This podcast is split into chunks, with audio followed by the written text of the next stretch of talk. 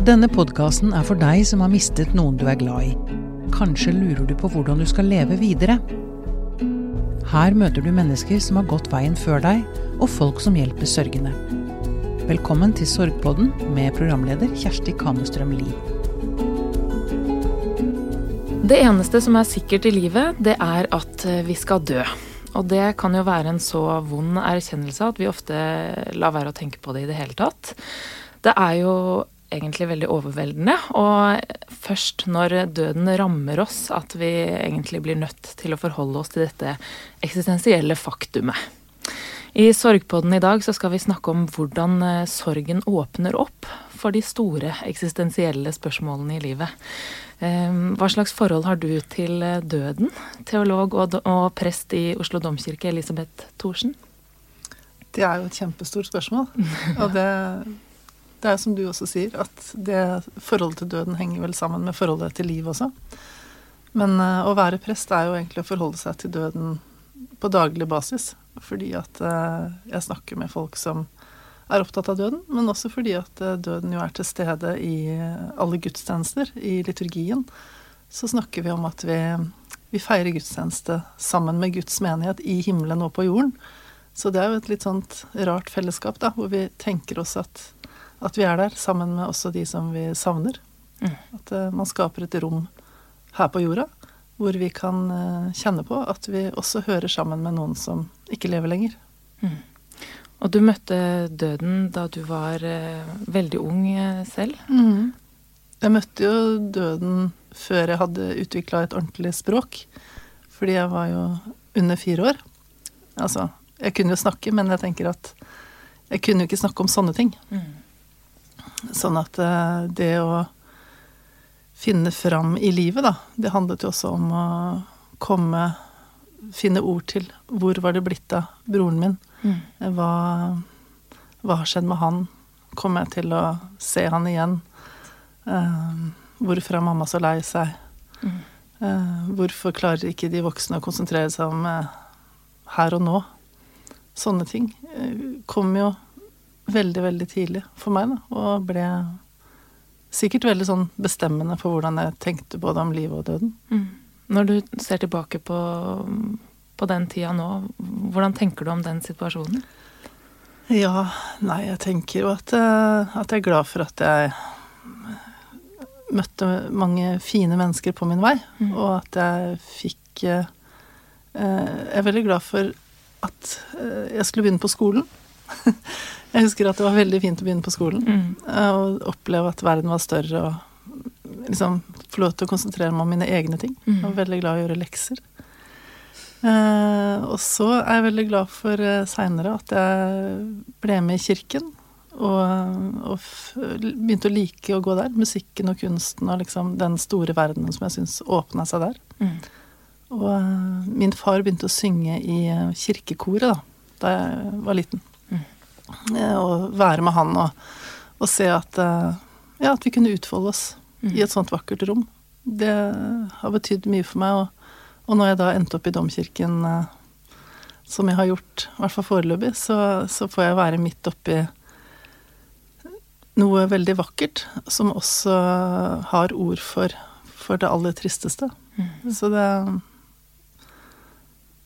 Når jeg ser tilbake på den, så syns jeg at jeg har fått eh, noen redskaper og noen uh, måter å ha omsorg for, uh, for det såret i livet, da. Mm.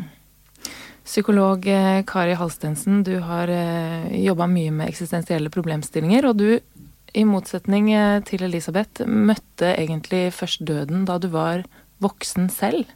hva gjorde det med deg?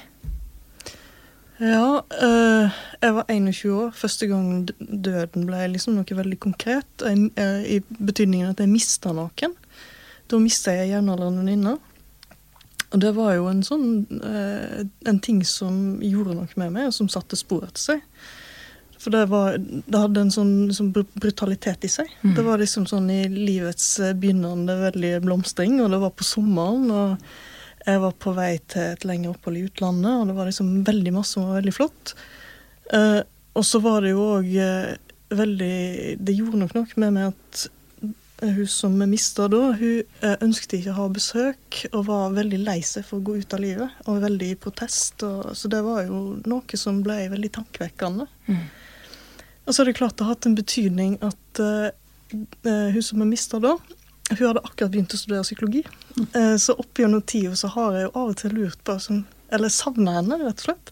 Altså sånn, for eksempel når jeg akkurat var ferdig sjøl, så savna jeg henne som kollega. Og Mm. tenkte at uh, det hadde så fint det hadde vært hvis hun hadde vært her. Mm. Så det setter jo på en måte en eh, det, det på en måte rusker meg ut av Jeg hadde nok noe litt sånn barnslig med meg fortsatt. En sånn mm. tro på udødeligheten og at du ikke kan rammes av noe fælt og sånn. Og så plutselig så var det det.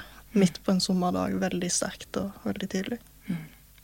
Elisabeth, kan, kan eh, barn, eh, som du var da, tre år da du, du møtte døden for første gang, kan barn tenke eksistensielt? Eh, har de kapasitet til å tenke eh, om livet på en så stor måte? Jeg tror barn kan tenke eksistensielt. Altså, nå har jeg jo også fått to barn selv, og opplevd at de veldig tidlig begynte å stille spørsmål om, om eh, mening og hvorfor vokser trærne og sånne ting. Um, så jeg tror at det er noe som egentlig er der fra begynnelsen av. Men uh, det å undre seg over hvorfor alt er som det er. Mm. Uh, og jeg tror det er veldig viktig å møte barn da, på eh, sånne store spørsmål og ta det seriøst. Ja, hva svarer du når de spør om hvorfor trærne vokser? Nei, da er det jo det å undre seg sammen. Ja, hvorfor gjør de det egentlig? Og så kan man jo svare på ulike nivåer, da. Kan jo snakke om eh, Er det klorofyll det heter? ja, det grønne. og sånne, sånne ting. Eh, Og så kan man jo undre seg eh, og finne andre måter å snakke om det på. ikke sant? At Gjennom eventyr og fortellinger og poesi og myter og bibelfortellinger og, Mm. og, og sånne ting. Så jeg tror det er viktig å undre seg sammen med barn. Mm. At barn også kan vise vei. Det er det som er vanskelig med eksistensielle spørsmål, at det finnes jo ingen eh, klare og entydige svar. Hva tenker du om, eh, om det, Kari? Nei, jeg, jo, jeg deler den erfaringen. Mm. eh, Ikke sant? Altså, vi får ikke dette inn på et som skjema, holdt jeg på å si. Det er noe som vi må bale med hele livet vårt, for å si det på godt vestlandsk. Det, eh, det er spørsmål som aldri blir ferdig med, og som alltid vil være der. Altså, du, eh, det å på en måte unnvike de spørsmålene som handler om livet vårt, om vilkårene for livet vårt, hvordan vi har det, valgene våre, friheten vår, ansvaret vårt, alle de tingene der. Du kan velge å la være å slippe det inn på deg, på en måte, men da er det òg et valg. Mm. Du kommer ikke unna det, det er der, og du får ingen klare fasitsvar. Så vanskelig er det å leve. Mm. Og så vanskelig, jeg tenker særlig i situasjoner hvor man er eh, i en sorgprosess, eller hvis man har mista noen som er veldig nære seg, om det er en ektefelle eller en, et barn. Eh, da blir de eksistensielle spørsmålene kanskje enda mer tilstedeværende i livet. Og hva, hva svarer man noen som begynner å undre seg på hva er meningen med livet nå, Kari? Ja, altså jeg, jeg syns det var veldig fint det du sa i stad, Elisabeth, om at vi er veldig forskjellige. At vi er individer hele tida. Så det, eh, igjen sant, så kom vi inn Nei, jeg kan ikke lære vekk en oppskrift for hvordan vi snakker om det. Men jeg tenker at eh, en ting som jeg har opplevd at er veldig viktig og veldig betydningsfull, det er at du orker me meningsløsheten. Mm. At du på en måte kan la den være der og si at ja, sånn eh, går det an å ha det. Og så er det jo òg sånn at vi vet en del om at for at du skal kunne finne ny mening etter å ha mista hele innholdet, meningen i livet ditt, Mm. så trenger du den sorgprosessen det er. Du trenger å sørge den tapte meningen for å kunne åpne deg for ny mening. Og det å kunne være til stede mens det skjer, det tror jeg er både terapeuten og presten, sjelsørgeren, som er en av de viktigste oppgavene. Eh, ikke prøve å få det til å gå vekk, men la det få være i rommet, la det utfolde seg. Um, og vise at det, dette er en del av vårt menneskeliv. Eh, og veien videre handler om å ta imot det og gå gjennom det. Fordi hvis i den grad vi prøver å gå utenom det, eh, så tror jeg vi konserverer det og får det til å vare. Man vil jo kanskje aller helst at det bare skal gå bort. Det vil en selvfølgelig. Det er ingenting som er mer menneskelig enn det. Og en trenger definitivt å ta pauser fra det. Absolutt. Men så tenker jeg òg at det å åpne opp for de følelsene er en, egentlig en fantastisk egenskap vi har som mennesker. Fordi det er med på å hjelpe oss inn i en ny måte å se liv på. En ny måte å skape mening på.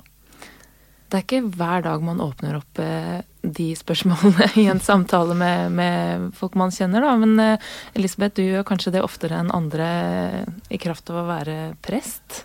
Eh, hvordan er sånne samtaler for deg? Det er jo Ja, hvordan er sånne samtaler for meg? Det, nå var jeg ikke forberedt på at det var det spørsmålet jeg skulle få. Her kan man aldri være forberedt. Her er det alt mellom himmel og jord. Og... Det er en læringsprosess, det òg. Å, å, å, være prest, eller bli prest. Jeg tror at uh, Nå har jeg vært prest i 27 år. Mm. eller 26 år, faktisk. Uh, så jeg syns at uh, at det er, en, eh, det er en måte å være i utvikling på. Å møte folk gjennom samtaler gjennom så mange år. Og at jeg etter hvert har lært meg å Litt sånn som du sier om å forholde seg til sorg. Altså la det komme, det som kommer, og la det være der i rommet. Og um, forsøke å forstå hva den andre sier. Og så øh, opplever jeg vel at det kommer en assosiasjon eller en, øh, en tanke som jeg har lyst til å dele tilbake. Mm. Og at da er det veldig fint å være i, fordi da kommer det noe nytt inn mellom oss. Ja.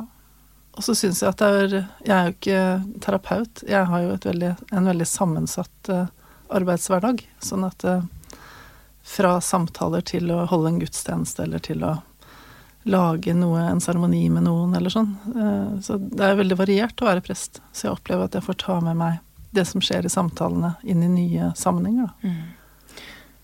Prester er jo også ofte um, dem som kommer med dødsbudskapet til, mm. Eh, til, folk. Eh, og du møter jo da folk i en ekstremt sårbar eh, mm. og vond situasjon. Mm. Hvordan åpner du en sånn samtale, og, og hvordan får du den tilliten som du behøver i en sånn samtale? Ja.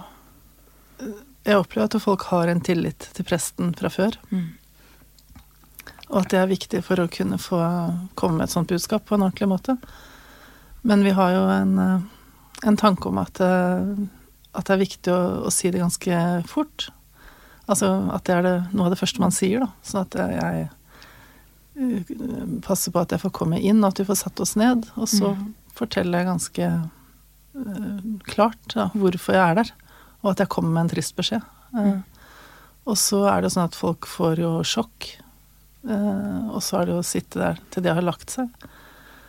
Uh, Lite grann. Mm. Og så har jeg en sånn regel for meg selv om at jeg ikke skal gå før, de, før det har kommet en annen, en venn eller noe, hvis de er alene. Mm. Eller at de i hvert fall har uh, kontakt med den andre på telefon. Mm. Men ja. Det er jo forferdelig trist og, og veldig sånn konsentrasjon i det å ringe på en dør og vite at eh, når jeg går herfra, så er det veldig mye annerledes. Mm. Kanskje alt er annerledes enn før jeg kom. Mm. Eh, men at det er viktig å gjøre det på en så nær og ekte måte som mulig, da. Og samtidig ha fokus på at eh, det er de som jeg snakker til, som, som har det vondt. Mm. mm. Hva slags type spørsmål får du? etter et sånt budskap. Mm. Ja, det er også kjempeforskjellig, altså. Det er jo Alt er normalt, eh, tenker jeg. Mm. Sånn. Men uh, de er jo opptatt av uh, hvordan det skjedde. Hvor er kroppen? hva gjør vi nå? Ja, noen blir sinte. Hvorfor skal en prest fortelle meg dette? Jeg er, er ikke med i statskirken. Mm. Og noen lurer veldig på hvordan vet du dette? Mm. Og da forteller jeg jo om samarbeid med politiet, og, og, da kan vi også ringe til politiet, til kriminalvakta, sammen. Mm. Så For det, det, og, det, eksistensielle henger jo ikke nødvendigvis sammen med, med religion, eh, Kari? Nei, det gjør jo ikke det. På, altså på den måten at uh, um, vi, vi, møter jo alle døden.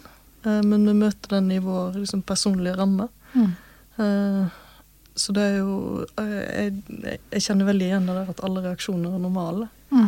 Eh, og noen seg Altså noen som ikke forholder seg til religion fra før, de venner seg jo til religion nettopp da. Mm. Mens andre som har dype røtter i, i tru, kan vende seg vekk fra det i et sånt Mm. øyeblikk. Mm. Så det er jo sånn Det er helt uforutsigbart. Mm. Og, Det kjenner jeg vel igjen også. Ja. Uh, Men jeg, jeg mener jo egentlig at, eh, at religionen har et språk for de grusomme følelsene og hendelsene mm. eh, som skjer når vi mister noen. Så har, vi, så har religionen eh, klagesanger eh, og anklage og eh, ja, snakk om meningsløshet og alt er svart og jeg har bare lyst til å dø. Sånne ting står jo i Bibelen. Mm. Og at, at på den måten så blir religionen, eller kristendommen som jeg kjenner best, da, et rom for eh, å leve ut sorg. Mm. Og, og kommer også med fortellinger og ord til sorg og til fortvilelse og til sinne. Og sånn som du sier, at noen som har en tro fra før, opplever å miste den når de mister noen de er glad i. Mm. Så kan jo det være at de har en tro som egentlig handler litt om at det, når jeg tror, så skal vel Gud passe på meg. Og da skal ikke sånne ting eh, hende. Mm. Og den troen blir jo borte, da.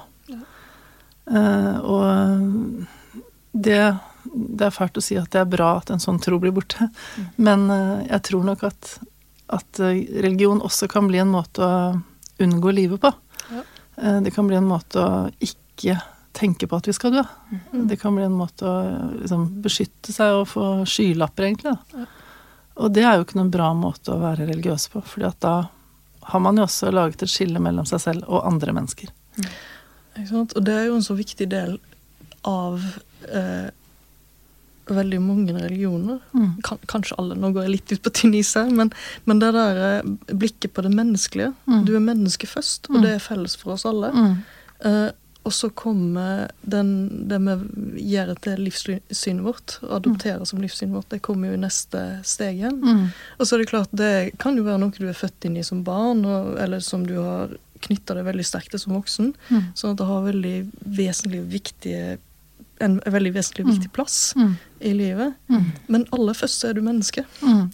Når du blir født, og når du dør, så er du menneske. Og hele veien mellom der. ikke sant? Så det er jo sånn, det er kanskje noe viktig som svar på det spørsmålet du stilte i stad. Det går an å tenke seg å tenke på å bli utfordra av at eh, eh, den eksistensielle filosofien, Mm. de to, så to store menn mm. innenfor der, det, det, den ene er jo Kirkegård, som er veldig tydelig religiøs, og den en annen er Jean-Paul Sartre, Mm. som hadde en veldig sterk identitet knytta til at han var artist. Mm.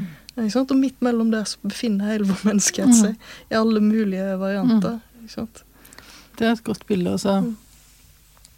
så tror jeg at uh, noe av det jeg tenker mye på, da Jeg er glad i, i filosofer eller uh, forfattere eller forskjellige kulturpersoner som har sagt at de som har vært opptatt av å si også tydelig at de er ateister. Det er jo også hva slags tro er det de har tatt avstand fra. Fordi at når de beskriver eksistensen, så, så kan jeg føle at jeg kjenner meg veldig godt igjen. Og at, eh, at det er plass for min tro også i deres filosofi. Mm. Eh, selv om de har sagt at de er ateister. Og, og mange av de, eh, sånn som Bjørneboe eksempel, som har skrevet så sterke tekster om å være menneske, og som Mm. også skriver veldig sterke tekster om Gud og Jesus òg. Han sa jo også at han måtte ta avstand fra kirken. Og det Jeg tenker at det må være lov til å ta avstand fra religionens vesen, uten å ta avstand fra det dype innholdet i religionen. Da. Mm. Altså, Verbet å eksistere, det betyr jo å tre fram. Mm. Ikke sant? Altså, du, det handler om å tre fram som, som det mennesket du er, eh, og med de opplevelsene du har. Mm. Eh, og veldig mange av oss lever jo med en tilpasning til noe som vi ikke er helt venn med. Ikke sant? Så det er denne friheten til å kunne tre fram som det mennesket som du opplever at du er, det tenker jeg at det, det er eh, det er en av de viktige oppgavene som ligger i eksistensialfilosofien. Å åpne det rommet og si at det, det er et rom for opplevelsen. Mm. Og opplevelsen er Den, den fins i like mange forskjellige varianter som det fins mennesker. Mm. kan man gå seg vill i de eksistensielle spørsmålene? Jeg kjenner Når vi sitter og snakker om Mm. dette nå, så kan jo dette kan jo gå så dypt som vi bare vil. Eh, og hvis man er i en sorgprosess og, og begynner å kjenne på disse eksistensielle spørsmålene Hvem er jeg? Eh, hva er meningen med livet? Eh, hvem, hvem skal jeg være nå? Jeg tenker at man, man kan jo bli veldig overvelda. Er det farlig? Kan man, kan man bli gal? Alt, alt er jo farlig. Alt kan bli for mye. Eh, Både religion og sikkert filosofi også. Men eh, nei, jeg tror at det er fint å folde hendene og be Fader vår. jeg. Gi oss i dag vårt daglige brød, og, og så videre. Eh, og altså samle seg om dagen i dag og det vi trenger. Tilgi oss vår skyld slik vi tilgir våre skyldnere. Altså prøve å komme inn i det eh, Inn i senter. Så tror jeg det går bra. Kari? Nei, jeg har tenkt på noe som ligner på altså Kanskje det er en slags psykologvariant av det du nevner nå. fordi at noe av det som jeg har opplevd som så veldig bra med det å nærme seg den eksistensielle dimensjonen, er jo faktisk egentlig akkurat det motsatte av det du sier nå. Fordi den kan jo eh, Det går an å gjøre eh, den eksistensielle dimensjonen av livet veldig konkret. Hvis vi går inn og sier hva handler dette egentlig om? Jo, det handler jo f.eks. om døden. Og døden er veldig konkret, Mm. egentlig. Ikke sant? Eh, Det handler om opplevelse av frihet, opplevelse av ansvar, opplevelse av identitet. Det handler om relasjoner, det handler om skamfølelse. Det handler om masse sånne ting som vi erfarer hele tida. Eh, og jeg tror at eh, vi alle sammen kommer nærmere den vi er som mennesker, hvis vi tør å åpne opp på de dimensjonene der. Og snakker veldig konkret om hva er det jeg skammer meg over, hva er det jeg savner. Mm. Føler jeg at jeg har en god balanse mellom det å høre til et fellesskap og det å være meg, individet meg, med mine særheter, eksempel. Ikke sant? Eh, og alle disse tingene her er jo igjen knytta til følelser. Ikke sant? Altså, vi føler ting i møte med eksistensielle spørsmål. Og det har vi av og til ikke god nok kontakt med. Så det der med å som, få knytta sammen eh, de eksistensielle spørsmålene og følelsene, det tror jeg kan gjøre noe med oss som mennesker. Jeg tror det er mye kraft å hente der.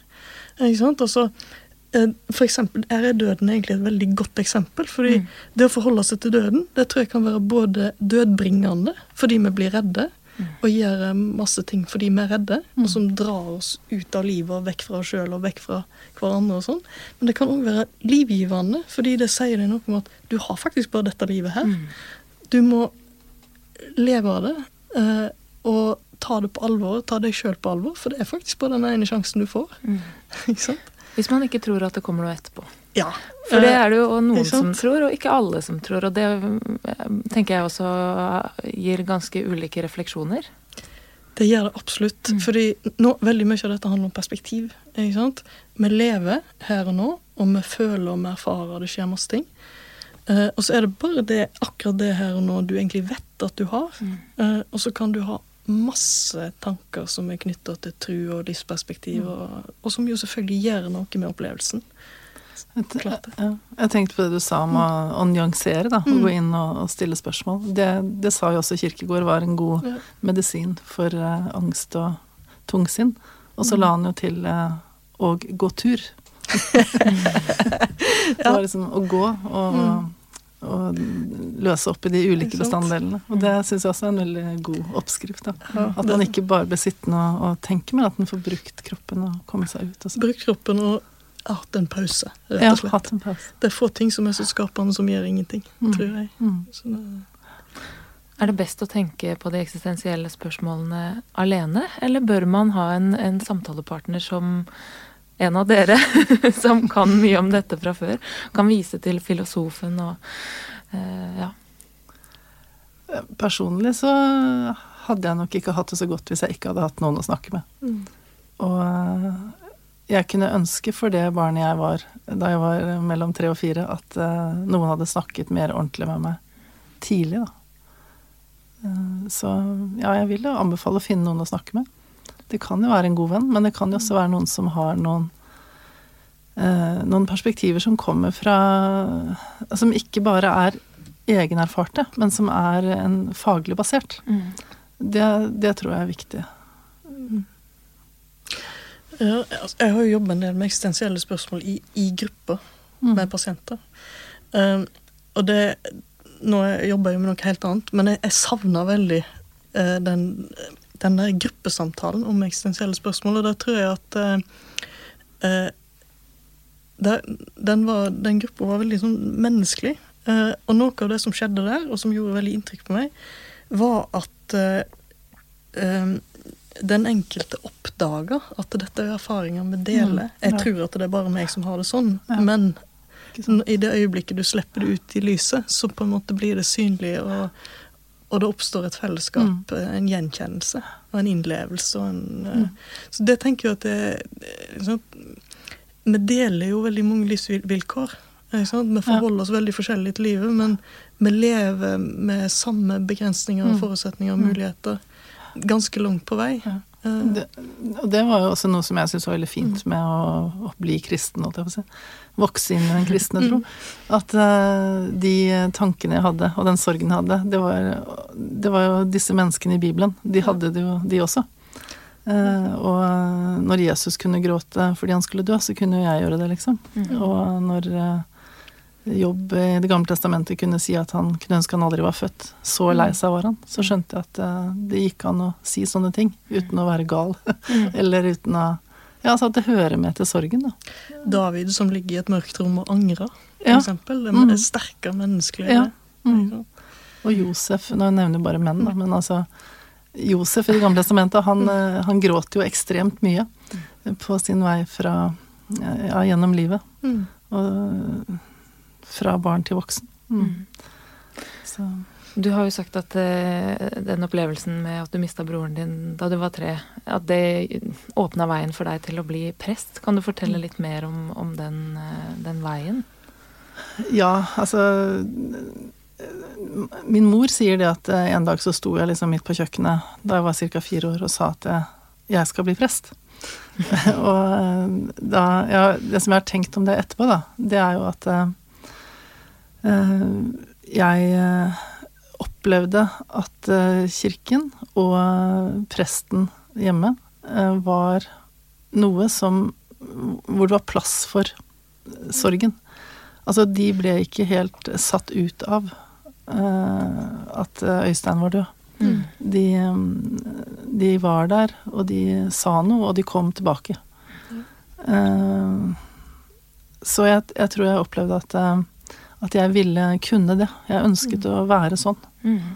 Og, mm, og så husker jeg også tenkte at eh, ingen skal komme og fortelle meg eh, hvordan Gud er. Det vil jeg finne ut selv. Jeg vil ha den eh, øverste autoriteten på, på min egen tro. Fordi jeg opplevde også at eh, kirken og presten og søndagsskolen sa ting som jeg syntes var veldig teit da, og feil, dumt. Og da vil jeg Jeg vil liksom få en autoritet eh, i forhold til å snakke om tro. At det var så viktig for meg. Eh, Så har jeg jo Når jeg har møtt andre prester, så har jeg jo skjønt at det er veldig mange forskjellige måter å snakke om, om den bestemmelsen på. Men eh, for, meg så har det nok vært en måte å være nær en sånn livskilde på, da. Og så dele det med andre. Har du tvilt eh, noen gang? Ja, det har jeg. Altså, fordi at det var, altså Jeg mener jo at det tvil hører med til eksistensen. At hvis man skal komme fram som menneske, så, så hører tvilen med. Og at tvil ikke er noe farlig. Det er, det er mange i Bibelen som tviler. Mm. Til og med Jesus. så, men at vi har eh, på en måte Vi snakker så eh, svart-hvitt, da, ofte, om å være troende. Så jeg, jeg tror at man kan tvile på alt uten å miste troen. Men heller oppleve at troen kommer Blir sterkere og sterkere gjennom tvil også. Det er nok med å ha det rommet for å si det som det er. Mm. Ikke sant? Altså når det er tvilen som er sann, så mm. er det viktig å kunne ha den tryggheten på at da er det tvilen som kan få Ja. plass, både i bevisstheten og i mellom oss. Ikke sant? Altså, når jeg bevi, altså det der med å kunne si det som det er, og dele det med noen som en har tillit til. Mm. Ja, for at da, hvis man har altså, Tillit er et annet ord for tro, tenker jeg. At det, man kan si at jeg tror på Gud, men det er jo noe annet enn å si at jeg tror at Rimi er åpen nå. At, eh, å, å tro på Gud er en annen, annen betydning av ordet tro. Ja. Og å tro på Gud tror jeg ligner mer på å ha tillit. Å ha tillit til at man blir tatt imot når man dør. Mm. Og ha tillit til at eh, det er noe som holder. Og ha tillit til at eh, det finnes kjærlighet, selv om jeg har opplevd å, å miste. Eh, Ikke sant? At det Og i, i tilliten så er det rom for å også snakke om det man opplever av brudd, da. Brudd på tillit og ja, det som vi kaller for, for tvil. Tillit er jo et eksistensielt grunntema. Mm. Ikke sant? Og der ser du liksom spørsmålet om tro og den eksistensielle dimensjonen som så veldig nær hverandre. Mm. Jeg opplever jo at begge dere er opptatt av å, å normalisere eh, samtalen rundt eksistensielle spørsmål. Og det, det er jo, det er jo, eh, det er jo ikke sånn at man bare eh, stiller folk spørsmålet ja, hva er egentlig meningen med livet når man møter de på butikken eller på fest, Nei. eller i hvert fall ikke for, for Hvis ikke man møter helst. en prest, da. Hvis ikke man møter en prest, hvis man ikke møter deg. Eh, Men jeg tenker sånn, hvordan eh, Hvis man møter noen for eksempel som er i sorg, da, eller Ja. hvis man er i sorg selv, har et, har et behov for å snakke om dette, hvor er det Eller hvis jeg har en venn som jeg tenker at det trenger å snakke om dette, hvordan kan man åpne en sånn samtale? Eh, Det syns jeg er veldig vanskelig å det, det enkleste er jo bare snakke om hva man gjorde i går, eller eh, ha en samtale om hverdagslige ting. Man spør jo ikke så ofte hva tenk, hvor, hvorfor tenker du at vi eksisterer. Kan Eh, jeg spørre hvordan har du det? Ja. Tror du det åpner eh, den porten? Kanskje. Hvis, det, hvis den andre er klar for å si noe dypere om det. Ja. Um, Altså, jeg tror det er viktig å stille et spørsmål som går an å svare overfladisk på også. ja. Fordi det kan være så utrolig pinefullt Mm. å være i sorg at man eh, kanskje har mer enn nok med å være på den festen. Mm. Eh, og at da må man få lov til å regulere selv. Mm.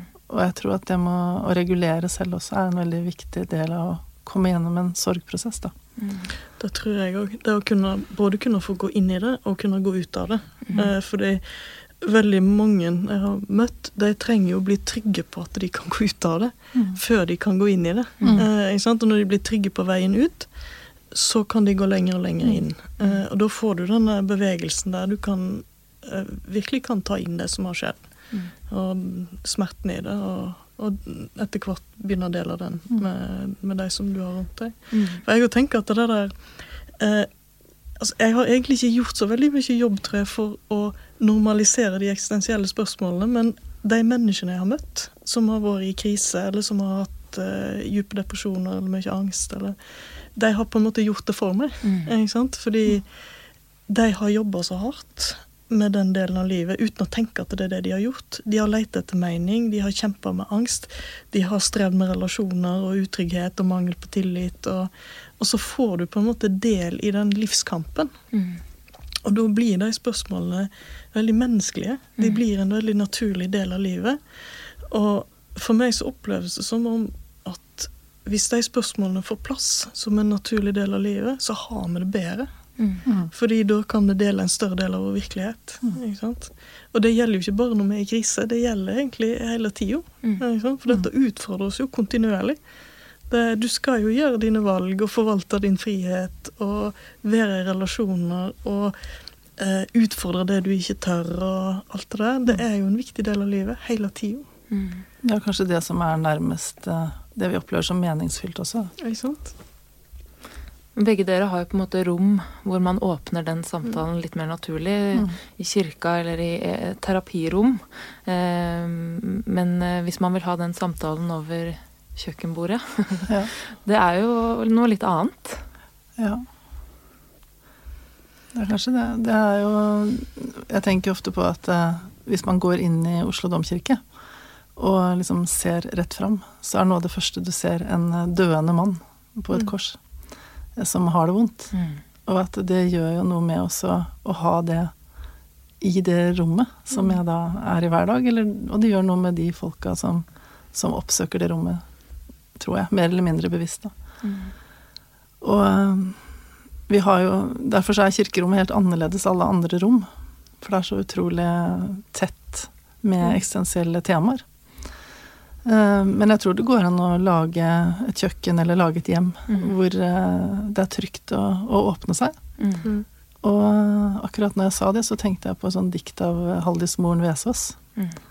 Eh, Og den som er rik, og den som er rik vil ha seg et hus som er såleis bygd at de som kjem innom dørene der, kjenner det åpent og trygt.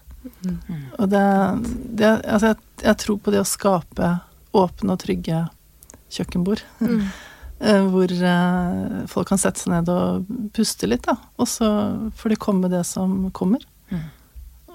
Da tror jeg vel at eh, en i vennerelasjoner også kan oppleve at noen vil fortelle om det aller vanskeligste. Mm. Men det er det med å være til stede da, og orke det. Mm. Sånn som du innleda med også, at, det, at vi vil kanskje helst egentlig glemme at vi skal dø. Mm. Og hvis man sitter der og tenker veldig mye på, at, på døden, og opplever at andre helst vil glemme det, så er det jo vanskelig å komme gjennom den lydmuren. Hva sier dere til folk som spør dere om eh, hva er meningen med livet nå? Er det mulig å svare og gi et godt svar på det, Kari? Jeg pleier å si at eh, alle, må ha, alle må ha sin egen mening. For den må jo gi mening for deg. Ikke sant? Ellers er det jo ingen mening. Eh, og uh, Selv om jeg har vokst opp i en kristen kultur eh, og tilhører kristendommen, eh, så har jeg lært en del av eh, ateister som har fortalt om hvordan de har kjempa seg gjennom meningsløshet. Mm. Eh, Så noen opplever jo mening rett og slett som et eh, opprør mot meningsløshet. Det har jeg eh, i min kristne kontekst opplevd som noe som jeg kunne hente fra en annen plass og, og lære noe viktig av. Mm. Eh, men så hender det òg at jeg kan være mer personlig og si at eh, min opplevelse av mening, den er at eh, livet handler om å berøre og bli berørt. Det gir mening for meg. Og så er det noen ganger sånn at andre kan oppleve en mening i det, eller de trenger andre måter å formulere sin opplevelse av mening på. Men det kan være en sånn her Det å si en sånn ting, det kan være en start på å på en måte føle seg inn i, erfare seg inn i hva er det som betyr noe for meg. For meg, så, som den jeg er, så er det det å berøre og bli berørt som er den viktige tingen. Hvordan vil du formulere det, Elisabeth? Nei, jeg syns du stilte veldig fint eh, du, spørsmålet eh, når du sa hva er meningsfylt nå? Fordi at eh, da kan man jo begynne å snakke om nå. Mm. Og eh, no, noen ganger så kan det være sånn at en ikke orker å forholde seg noe særlig lenger fram enn akkurat nå. Og så tenke etter ja, hva er det som gjør det mulig å holde ut akkurat her og nå?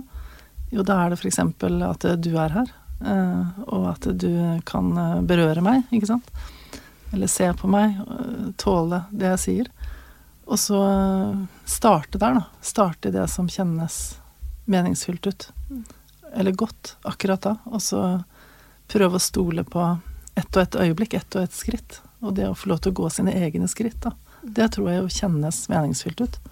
At eh, jeg skal få gå mine skritt, og jeg skal få ta utgangspunkt i her og nå. Eh, og at eh, prøve å stole på at mening er noe som kommer til oss også. Det er jo veldig vanskelig å skape mening, men man kan jo oppleve at mening blir skapt rundt en, og at det kommer etterpå. Ordene kommer i hvert fall etterpå, tror jeg. Ja, det er nok eh, Det tror jeg kan oppleves veldig frigjørende for veldig mange. For nettopp det der å skape mening, det tror jeg er med på å jage oss. Mm. Ikke sant? Altså, vi har enorme muligheter til å forme våre egne liv. Mm. Uh, og det, det er jo òg en belastning. Mm. Ja, og det er noe av det som jeg syns er frigjørende Mm. med kristendommen, da, at, det, at det er Gud som skaper, og skaper i oss. Uh, og at, eh, at vi også gjennom sorgen kan bli skapt. At vi kan se det etterpå, at noe skapes i meg gjennom dette. Og så tror jeg òg at uh, meningsløshet er faktisk skapende. Mm. Altså det å slippe den løs og la den Mm. få lov å komme. Mm.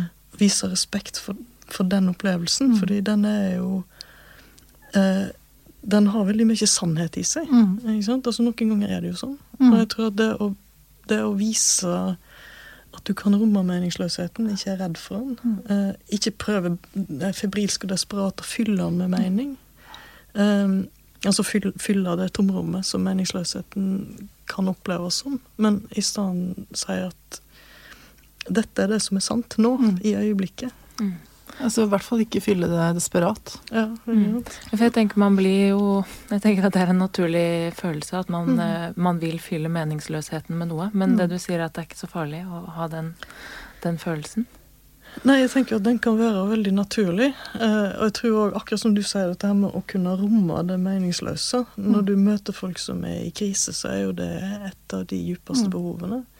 Og jeg tror det er noe veldig ærlig over det. Altså, sant? Når, jeg, når jeg har opplevd å være sammen med mennesker som eh, har opplevd fæle, brutale ting, eh, så oppleves jo det meningsløst. Mm. Jeg opplever at jeg møter en meningsløs side ved livet som jeg ikke kan forklare, ikke kan forstå. Blir i opprør mot, blir fortvila over. Eh, Jeg, jeg tenkte på at noen ganger så har jeg jo møtt mennesker som har eh, vært i krigsområder eller opplevd eh, krig og, og grusomme ting. Altså helt nært, nært seg, da. Og de beskriver jo et mørke som eh, som jeg syns er vanskelig å sammenligne med noe jeg har opplevd selv. Mm. Eh, og samtidig så kan de beskrive et slags eh, en livsvilje. Eh, de har eh, et eh, Altså, eller den måten som de leter etter mening på. Mm. Eh, I den så ser jeg mye håp. Mm. Og da kan jeg prøve å speile det. Mm. Ja. Eh, og si det. At, eh, sånn at de kanskje kan få øye på det selv. Eller i hvert fall sånn at de kan få styrke til å være i den letingen. Mm. At selve letingen er veldig nært eh, det vi kan komme dyp mening. Mm. Um, Så meningsløsheten og meningen med livet kan leve side om side. ja, på en måte. At eh, jeg tror ikke at vi enten har det meningsløst eller meningsfylt. Jeg tror at eh, vi opplever noe som gjør at det gamle språket ikke fungerer. Og så må vi finne nye ord. Mm. Og det å finne nye ord, det kan være veldig spennende. Veldig involverende, veldig berørende. Vondt, selvfølgelig, fordi man må grave Mm. dypt. Men det er ikke egentlig farlig å ha det vondt. Nei, ikke sant? Og liksom, hvordan kommer verden videre, da? Det kommer jo videre ved at vi graver og finner mer ekte ord. Vi, altså, himmelen er ikke et sted hvor vi sitter og drikker kaffe og kanskje kommer hvis vi har oppført oss pent. Altså, det handler ikke om å ha et Himmelen er ikke en borgerlig sfære, liksom. Eh, hva, men hva kan det være da? Eh, altså begynne å tenke Hva kan det være et bilde på?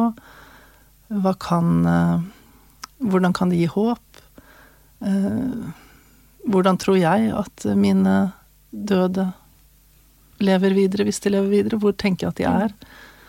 Ja, kanskje man bare tenker at de lever videre i min kjærlighet. Ja, det er jo et slags liv, det også. Eh, og tenke at Altså, ikke, ikke tenke at jeg burde ha tenkt sånn og sånn, jeg burde ha følt sånn og sånn, jeg burde ha hatt det sånn og sånn, men heller tenke hvordan har jeg det, og kan du forstå det? Mm. Kan vi snakke om det? Kan vi starte der? Kan vi være sammen i et sånt nå?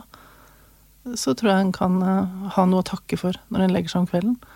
Og at det, det å kjenne at man har noe å takke for, da, om det er bitte lite eller kjempestort, det, det tror jeg er en viktig eh, det, det hører med til å kjenne at det er noe vits i å, å fortsette å leve. Det kjenner jeg veldig igjen. Det, det der perspektivet med at smerte åpner nye rom i oss. Det tenker jeg at det, det skaper ikke umiddelbart ny mening, men eh, det gir et menneskelig fellesskap. Eh, Mm. Og det kan tenne denne lille gnisten av håp Mm. eh, om at eh, noe lukker seg, og så åpner det, no åpner det seg noe Mm. annet. Ja. Eh, Det er ikke en lett eh, samtale å runde av dette her. Her kunne vi snakka i det vide og det breie i mange timer framover. Eh, men tusen hjertelig takk for eh, refleksjonene deres, eh, prest Elisabeth Thorsen og psykolog eh, Kari Halstensen. Sorgpodden er produsert av Tid og Lyst for Landsforeningen uventet barnedød, med støtte fra stiftelsen DAM.